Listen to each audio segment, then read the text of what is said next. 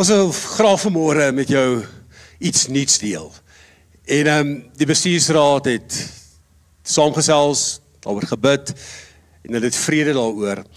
En dit is om bietjie uiting te gee aan dit en uit die geboorte waaruit Noordkampus ehm um, gevloei het. En ehm um, daarom het ons gedink dat ons wil graag ons embleem verander. Ons wil graag die storie vertel, maar ons gaan hierdie embleem uitmekaar uit moet haal sodat almal hom verstaan. En dit is die hartklop van Noordkampus. En ek glo na hierdie 3 weke gaan jy presies weet wat wat vir ons belangrik is en hoe ons harte klop en ook baie baie belangrik ook die spasie waarin jy sal kan inpas iemand hierdie week by my gehad wat vir gesê het, "Pastoor, hierdie vennootskap ding werk nie lekker vir my nie. Ek verstaan nie hierdie nie." En toe het ek weer verduidelik en gesê dat dat om 'n vennoot van AGS Noordkampus of Sentraal Kampus te word is nie 'n finansiële of 'n 'n wêreldse konsep wat ons wil deel maak nie. Maar dit ons nodig dat ons mense eienaarskap neem van die gemeente. Eienaarskap neem van bedieninge. Eienaarskap neem van die stikkenheid en die gebrokenheid waarmee ons elkeen te doen het. En ek glo jy sal met my saamstem dat dat die pastore nie die alleen mense is wat wat daardie take en funksies moet vervul nie. Maar die Here sê tog ons is lede van dieselfde liggaam en daarom het ons as lede van hierdie liggaam verskillende gawes, verskillende talente. En het jy dalk gawes en talente wat ek nie het nie wat baie meer natuurlik by jou voorkom as by my, maar so het ons mekaar nodig dat ons eienaarskap sal neem van dit wat hier en dit ook wat buite hierdie vier mure gebeur. My ervaring van 'n lidmaat en ekskuus, maar dis regtig my ervaring is dat baie mense het nie die begeerte om 'n lidmaat van 'n gemeente te word sodat hy of sy weet dat daar 'n kerk is wat hulle sal begrawe. Ek het al baie keer het ek al huisbesoek of sieke besoek gedoen en dan is ek in die hospitaal en en dan loop ek iemand raak daar en sê sy vir my dat ehm um, kyk dit was al wel 'n klompie jare gelede. Ehm um, hierso so in die mid to, uh, so 2009 daar rond dan sê sy vir my ehm um, ek is in die AGS Kreesop sentraal. Ek is by pastoor Eenjas Du Plessis. Tog ek, "Jo, my tannie, my tannie, daar het baie water in die see geloop van toe tot nou." En ek sal nooit vergeet die kerkraadsvergadering wat ons gehad het. Waar ons besig was met die beplanning van Noordkampus, met die planting van Noordkampus. Waarom Attie opgestaan het as ons hoofouderling en hierdie woord gebring het. En ek dink toe om Atti hierdie woord of hierdie profetiese woord bring, toe is die koel deur die kerk. En toe weet ons, dis die pad, dis die roeping, dit is die verantwoordelikheid wat die Here op hierdie gemeente geplaas het. En as jy miskien nie die storie agter die storie ken nie en jy woon ons nuwe vennote kursus by, dan gaan ons jou 'n bietjie die storie vertel van hoe hierdie planting plaasgevind het. En ek sê jy kan met baie stry en jy kan baie met my stry en jy kan dalk miskien na hierdie diens sê ek in die kar uitry en sê sjoe, nee Marius het hom vandag bietjie misgeslaan of stem dalk nie 100% saam nie. Maar daar's een ding waarmee jy nie met my kan stry nie en dit is dat hierdie kampus 'n planting van die Here is. Van twee, van 1998 tot nou was die bevestiging, die woord was daar, die passie was daar, die begeerte was daar en alles het net bymekaar gekom. En dit wat julle vandag hier beleef en dit wat ons vandag hier langs aan sien is niks anders as 'n wonderwerk nie. Want dit wat hier gebeur het is 'n wonderwerk. Vir ons as 'n gemeente, ja, met twee kampusse om so 'n projek van stapel te stuur, het jy die hulp van die Here nodig. Menslik gaan jy dit nie alleen regkry nie. En baie gou het ek besef dat ek gaan baie vinnige maagseer ontwikkel as ek hierdie projek op my eie moet vat. En daarom is dit die Here se projek. En hoe mooi is dit? Daar is letterlik R2135 in ons bou projek se fonds. Weet jy wat kan jy met R2135 doen? Jy kan 10 sakkies sement koop. Jy kan 'n cube se bousand koop en sy briekvols en dan is daardie geld daarmee heen.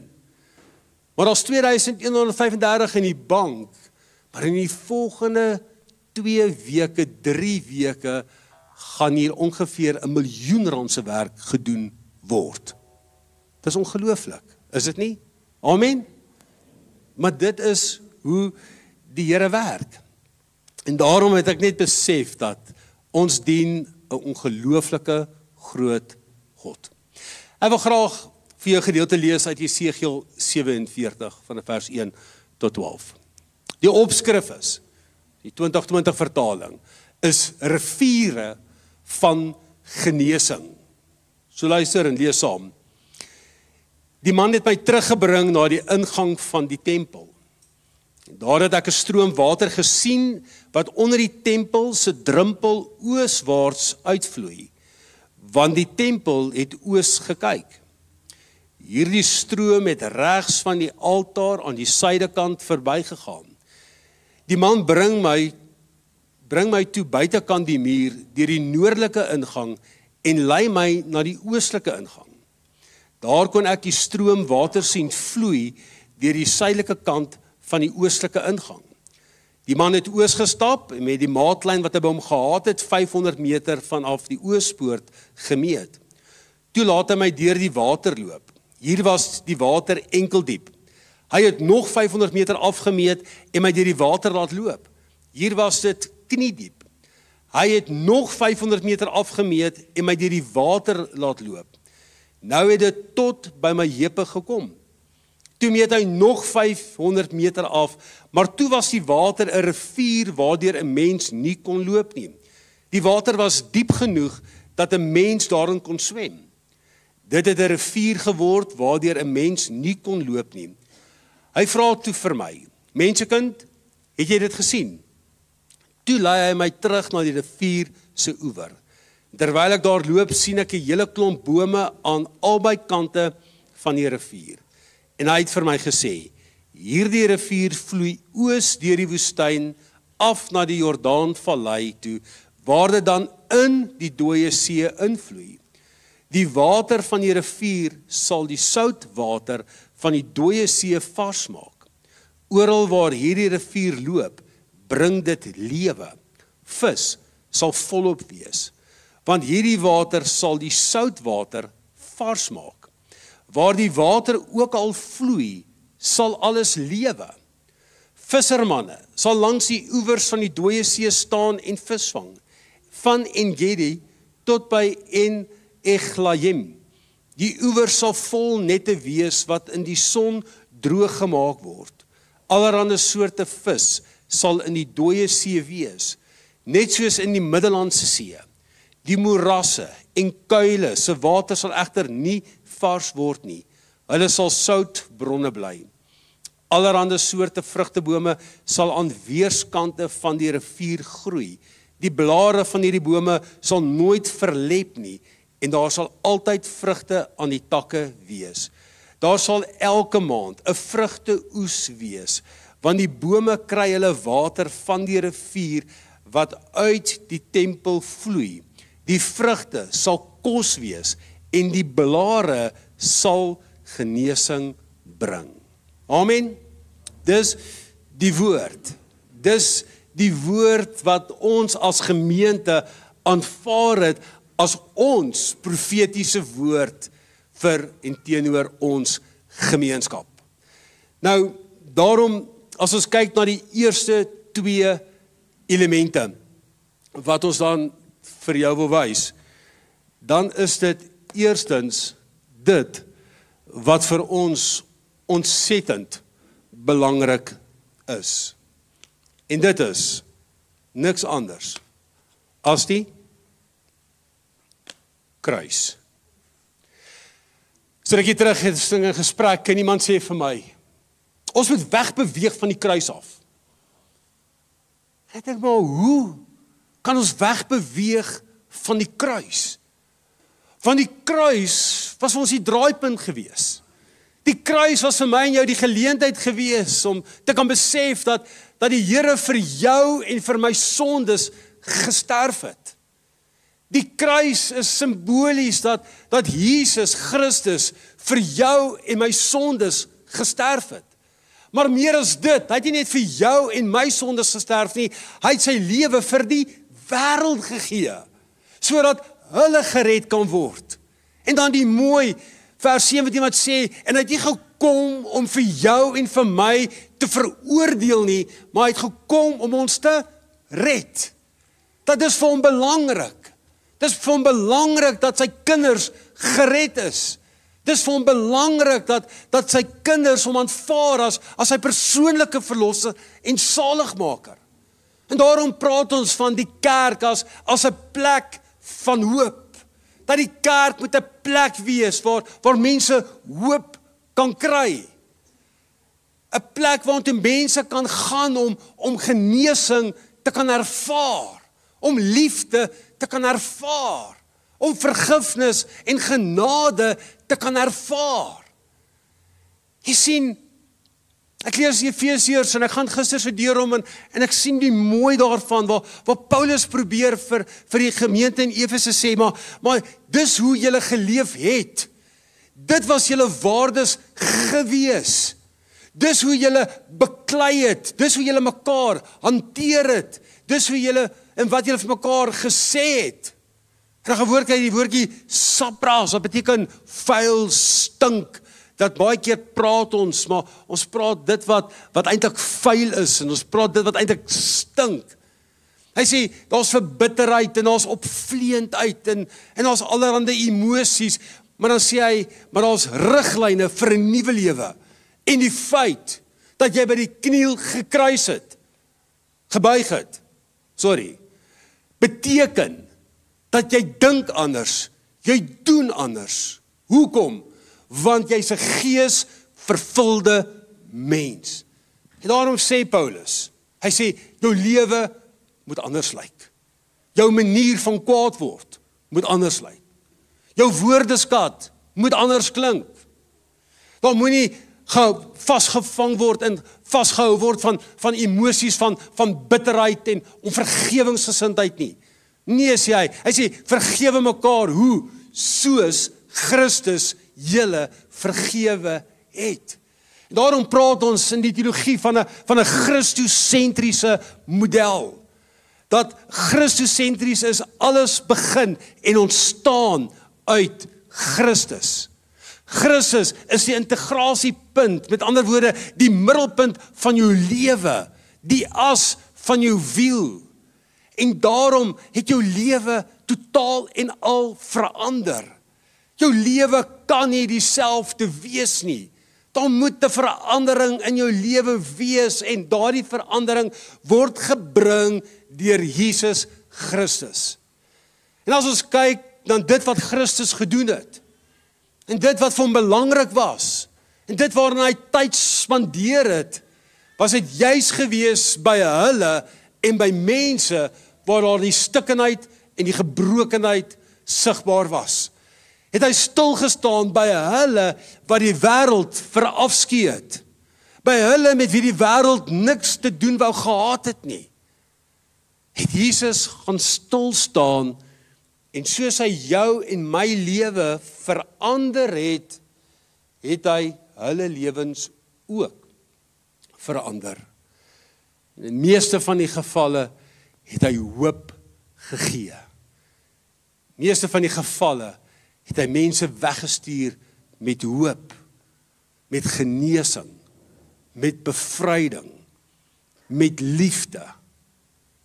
Hy sien Jesus het 'n impak gemaak by mense. En so glo ek met my hele hart dat hy hierdie wonderlike model wat ons noem die kerk wil gebruik om om die gemeenskap hoop te gee. Om die gemeenskap bevryding te gee. Om 'n gemeenskap genesing te gee. Wat as ons nie daardie verantwoordelikheid opneem nie? As ons dit nie doen nie, waarmee is ons besig? Wat is ons besig om te doen? Dat as jy nie impak maak by jou werk en by jou mense nie, waarmee is ons besig? Dan kom ons maar net by mekaar op 'n Sondag vir 'n lekker broodjie, 'n lekker koffie, 'n lekker sing en 'n lekker preek en ons gaan huis toe en ons geen impak in ons lewens nie, want ons geen vrug wat dit wys nie. En daarom het iemand gesê om 'n kind van die Here te wees beteken jy word gevaarlik. Want jy word gevaarlik vir duisternis. Jy word gevaarlik vir die vyand se werk wat wat besig is om om om 'n impak te maak in ons gemeenskap.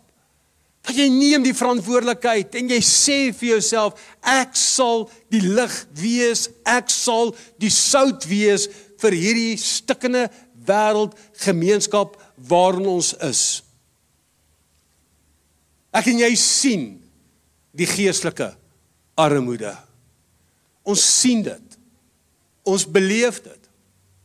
Ons sien dit dalk nader, miskien in in miskien in jou eie huishouding. Jy sien dit. Jy ervaar daardie dooie see. Jy ervaar daardie poele lands wat waar daar geen vrug en geen lewe is nie. En ek dink dit is baie belangrik om eerlik te wees teenoor mekaar. En miskien te vra maar maar hoe lyk my lewe? Getuig my lewe van vars water. Getuig my lewe dat daar vrug uitkom. Of sit jy miskien vandag hier en jy sê wie om eerlik te wees, Ek voel soos die dooie see. Ek voel dood. Dit voel of ek verwyderd is. Dit voel of ek geestelik bankrot is. Ek voel dood. Nou, ek glo met my hele hart dat God se wil en se droom is is dat jy sy volheid sal beleef. Dat jy sy volheid sal beleef. Dat jy lewe sal beleef. En baie keer sit jy miskien daar en is as gevolg van jou eie toedoen. Jou eie toedoen dat jy alles blokkeer van enige vars water wat wat in jou lewe kan inloop. En dit is as gevolg daarvan, miskien van van keuses of besluite wat jy maak en en en jou keuses en besluite veroorsaak dat jy daai dat jy daai op daai daai doodsheid ervaar van geen lewe, geen verhouding. En soos ek sê, God wil daardie doodsheid daardie dooie see water wil hy ook uit jou lewe uit uithaal. Baie interessant. Heidiglik die dooie see is eintlik besig om op te droog. So daar is net een alternatief wat hulle kan doen en dit is om die Jordaanrivier wat ons lees in die dooie see te laat inkom, maar dan presies wat dan hierdie gedeelte sê, gaan dit die uiteinde wees. Kan ek vir jou sê die dooie see is dood? Dit vat iets om vir ja, vir Herbie en vir Aubrey te laat dryf. Maar hulle dryf. Daardie intensiteit van daardie sout is ongelooflik. En hoe wonderlik dat die Here kom en sê Ek wil daai dooie see. Wil daai daai doodsheid uit jou lewe wil ek uithaal en ek wil jou vul. En ek wil jou volmaak. Hoekom? omdat ek vir jou 'n baie baie duur prys betaal het. Jesus Christus het vir jou sondes gesterf. Jesus Christus het vir jou foute wat jy in die verlede gedoen het, het hy vir daardie sondes het hy gesterf. Dit is amper asof ek dink dat die Here vir jou sal vra maar as jy vir hom sê Here, onthou jy wat ek gedoen het? Voel sleg daaroor en ek het dalk teleurgestel. Maar ek het vergifnis gevra. Dan sê Here se antwoord maar Waarvan praat jy? Ek het jou vergewe. Ek het jou vrygespreek. Ek het jou losgemaak daarvan. Hoekom wil jy nou nog daaraan vashou? En dat dit jou aftrek en veroorsaak dat jy nie kan leef soos wat jy moet leef nie, want jy hou vas aan dit wat gebeur het. Christus kom en hy en hy kom vergewe. En hy kom vergewe onverwaarlik. Christus is die een wat kom en hy en hy kom klop aan jou hart se deur dat jy moet oopmaak en hom moet innooi sodat julle saam 'n feesmaal kan vier. Dis wie hy is, dis sy hart. Is dat hy wil hê dat dit met jou en met my moet goed gaan. Dis die verantwoordelikheid wat ons het.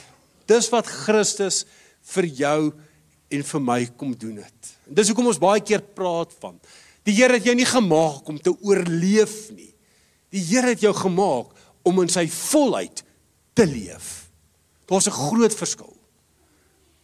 En dan die tweede komponent wat ons dan oor praat is is dat dis great en dis wonderlik dat jy die Here in jou lewe het.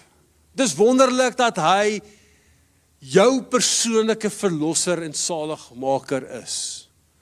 Maar die belangrikheid is is die verantwoordelikheid wat ek en jy het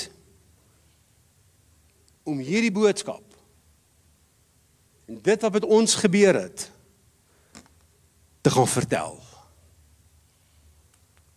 Om 'n visser van mense te word. Wanneer laas het jy met iemand gepraat oor die feit of hy of sy die Here ken of nie? Wanneer laas het jy die aanknopingspunt gemaak om om met iemand te praat oor oor sy geestelike lewe? En vir ons is dit belangrik. Dis vir ons belangrik om daaroor te praat. Dis vir ons belangrik om om te weet dat dat ons mense staan in 'n verhouding met Jesus Christus. En so het ons die verantwoordelikheid om om na buite te kyk en en die stikkenheid te sien en die gebrokenheid te sien, om die hartseer te beleef. En ons sit met die antwoord, maar ons doen niks daaromtrent nie.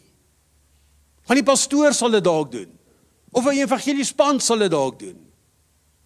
Jy sien op die einde van die dag is dit elke liewe een van ons verantwoordelikheid om 'n getuie van Jesus Christus te wees. Dis wat hy wil hê ons moet doen is om evangelie van God se liefde en genade aan mense te gaan vertel. Om vir mense te gaan vertel maar die Here is lief vir jou. Hulle praat van van die goeie nuus. En inderdaad is dit nie goeie nuus nie. Is om te besef dat deur die kruis is die angel uit die dood uitgetrek. Met ander woorde dat die dood is nie meer die finaliteit nie. Die angel is uit die dood. Daar's lewe na die dood. En op hierdie oomblik is die Here besig om vir my en vir jou 'n plek voor te berei sodat ons ook kan weet waar hy is. Miskien moet ek gou hier stil staan om net weer eens te beklemtoon. Besef jy die tydelikheid waarin ons leef? Besef jy die verganklikheid waarin ons leef? Besef jy dat ons nie vir ewig gaan leef nie? Besef jy dat daar sal en daar gaan as die Here Jesus nie gaan kom nie, dan gaan en daar sal daar 'n begrafnis wees met jou naam op daardie blaadjie.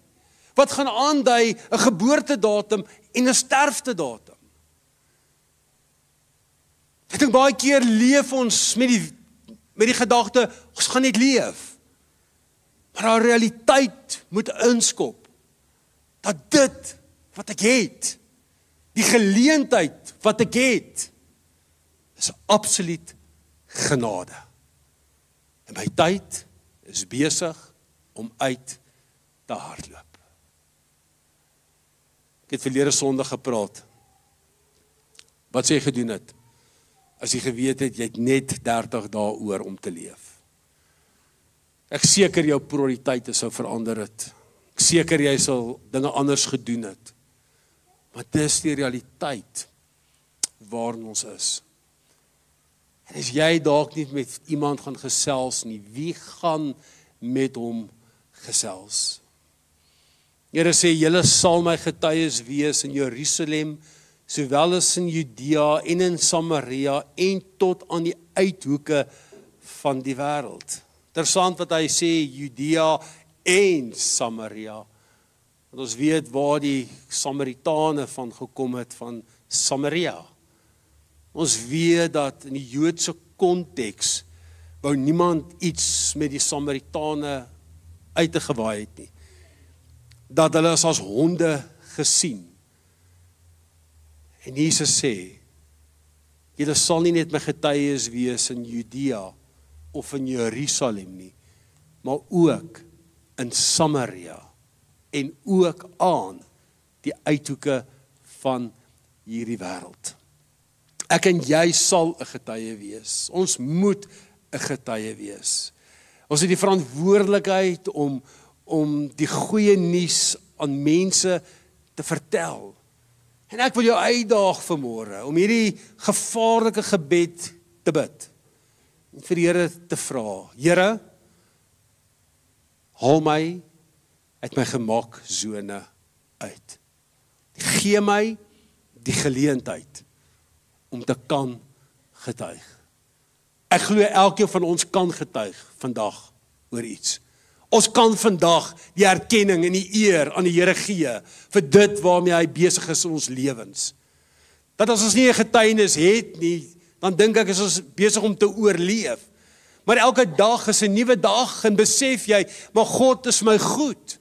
Die Here is goed. Ongeag van uitdagings, ongeag van die slaggate in die pad, is die Here goed en kom hy se beloftes teenoor my na. Partykeer moet my boot so bietjie geskit word om net daar uit te kom om om ook net te kan vertel van dit wat die Here in jou en in my lewe doen.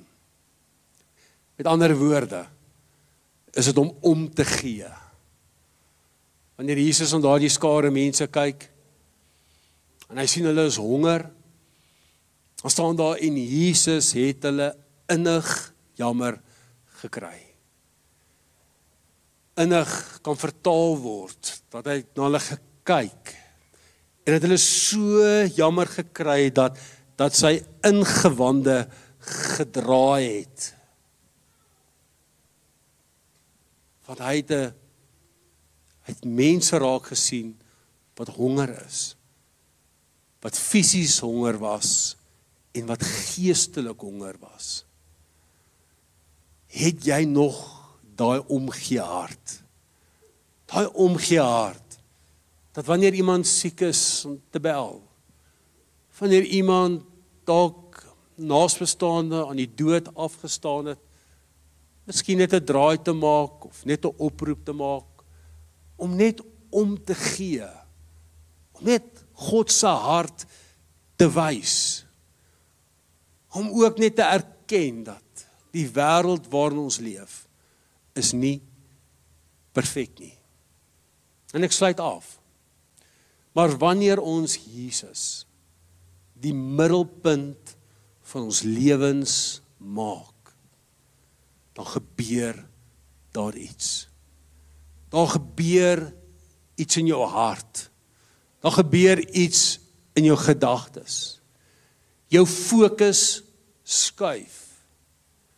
Jou prioriteite skuif. Jy begin raak sien wat mense om jou nie raak sien nie. Jy begin 'n wysheid ervaar. Jy begin besef maar ek kry insig. Omdat jy op die regte plek is. Omdat Christus die senterpunt van jou lewe is. Is hy? Is hy die middelpunt van jou lewe?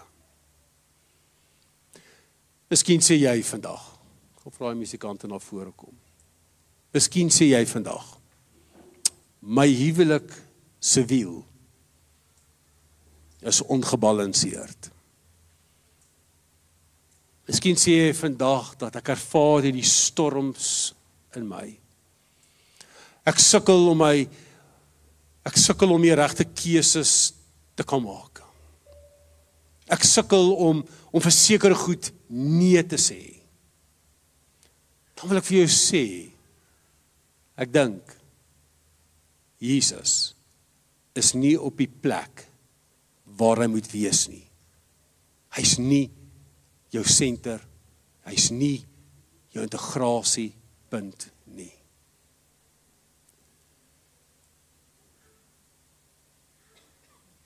Een van die grootste geskenke wat die Here vir my en vir jou gegee het, naas sy lewe, is dat hy vir ons 'n wilsbevoegdheid gegee om daardie keuses en besluite te kan neem.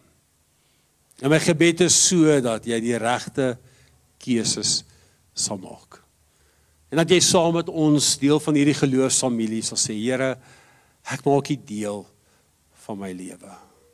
Maak U deel van my verhoudings. Ek maak U deel selfs by die werk as ek soveel moeilikheid beleef.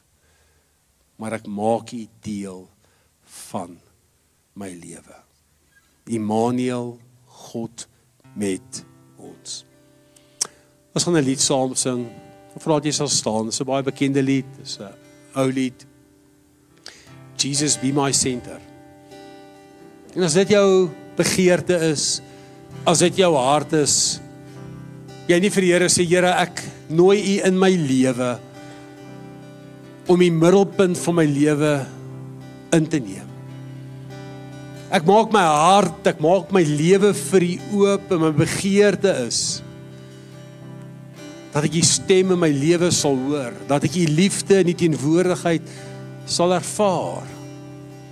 Met die wete u het my dier gekoop. Dankie Des.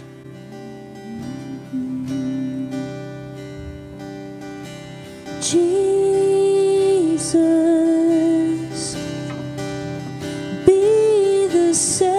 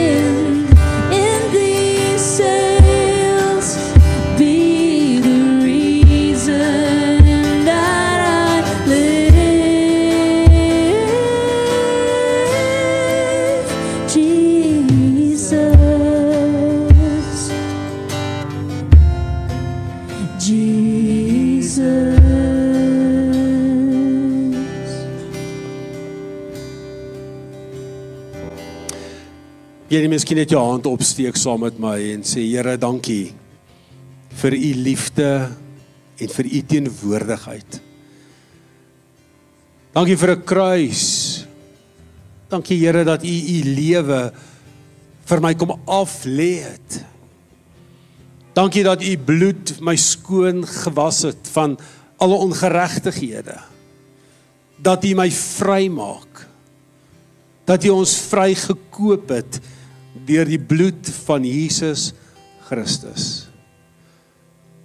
Here ons aanvaar u as ons persoonlike verlosser en saligmaker. Ons maak u koning van ons lewens. En Here, dan is my gebed vir elkeen wat vandag hier is wat u woord aangehoor het. Wat nooit sal kan sê maar ek het nie geweet nie. Here dat u ons sal honger maak.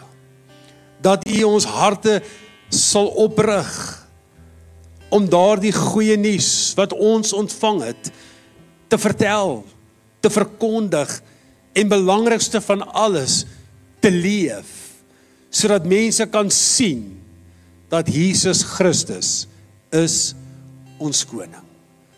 My gebed is Here, dankie vir u Heilige Gees wat saam met ons hierdie pad loop.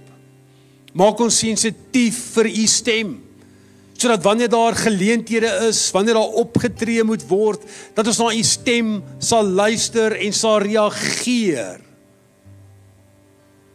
Here, wanneer ons reageer, is dit nie tot ons eer nie, maar dis alleenlik tot u eer.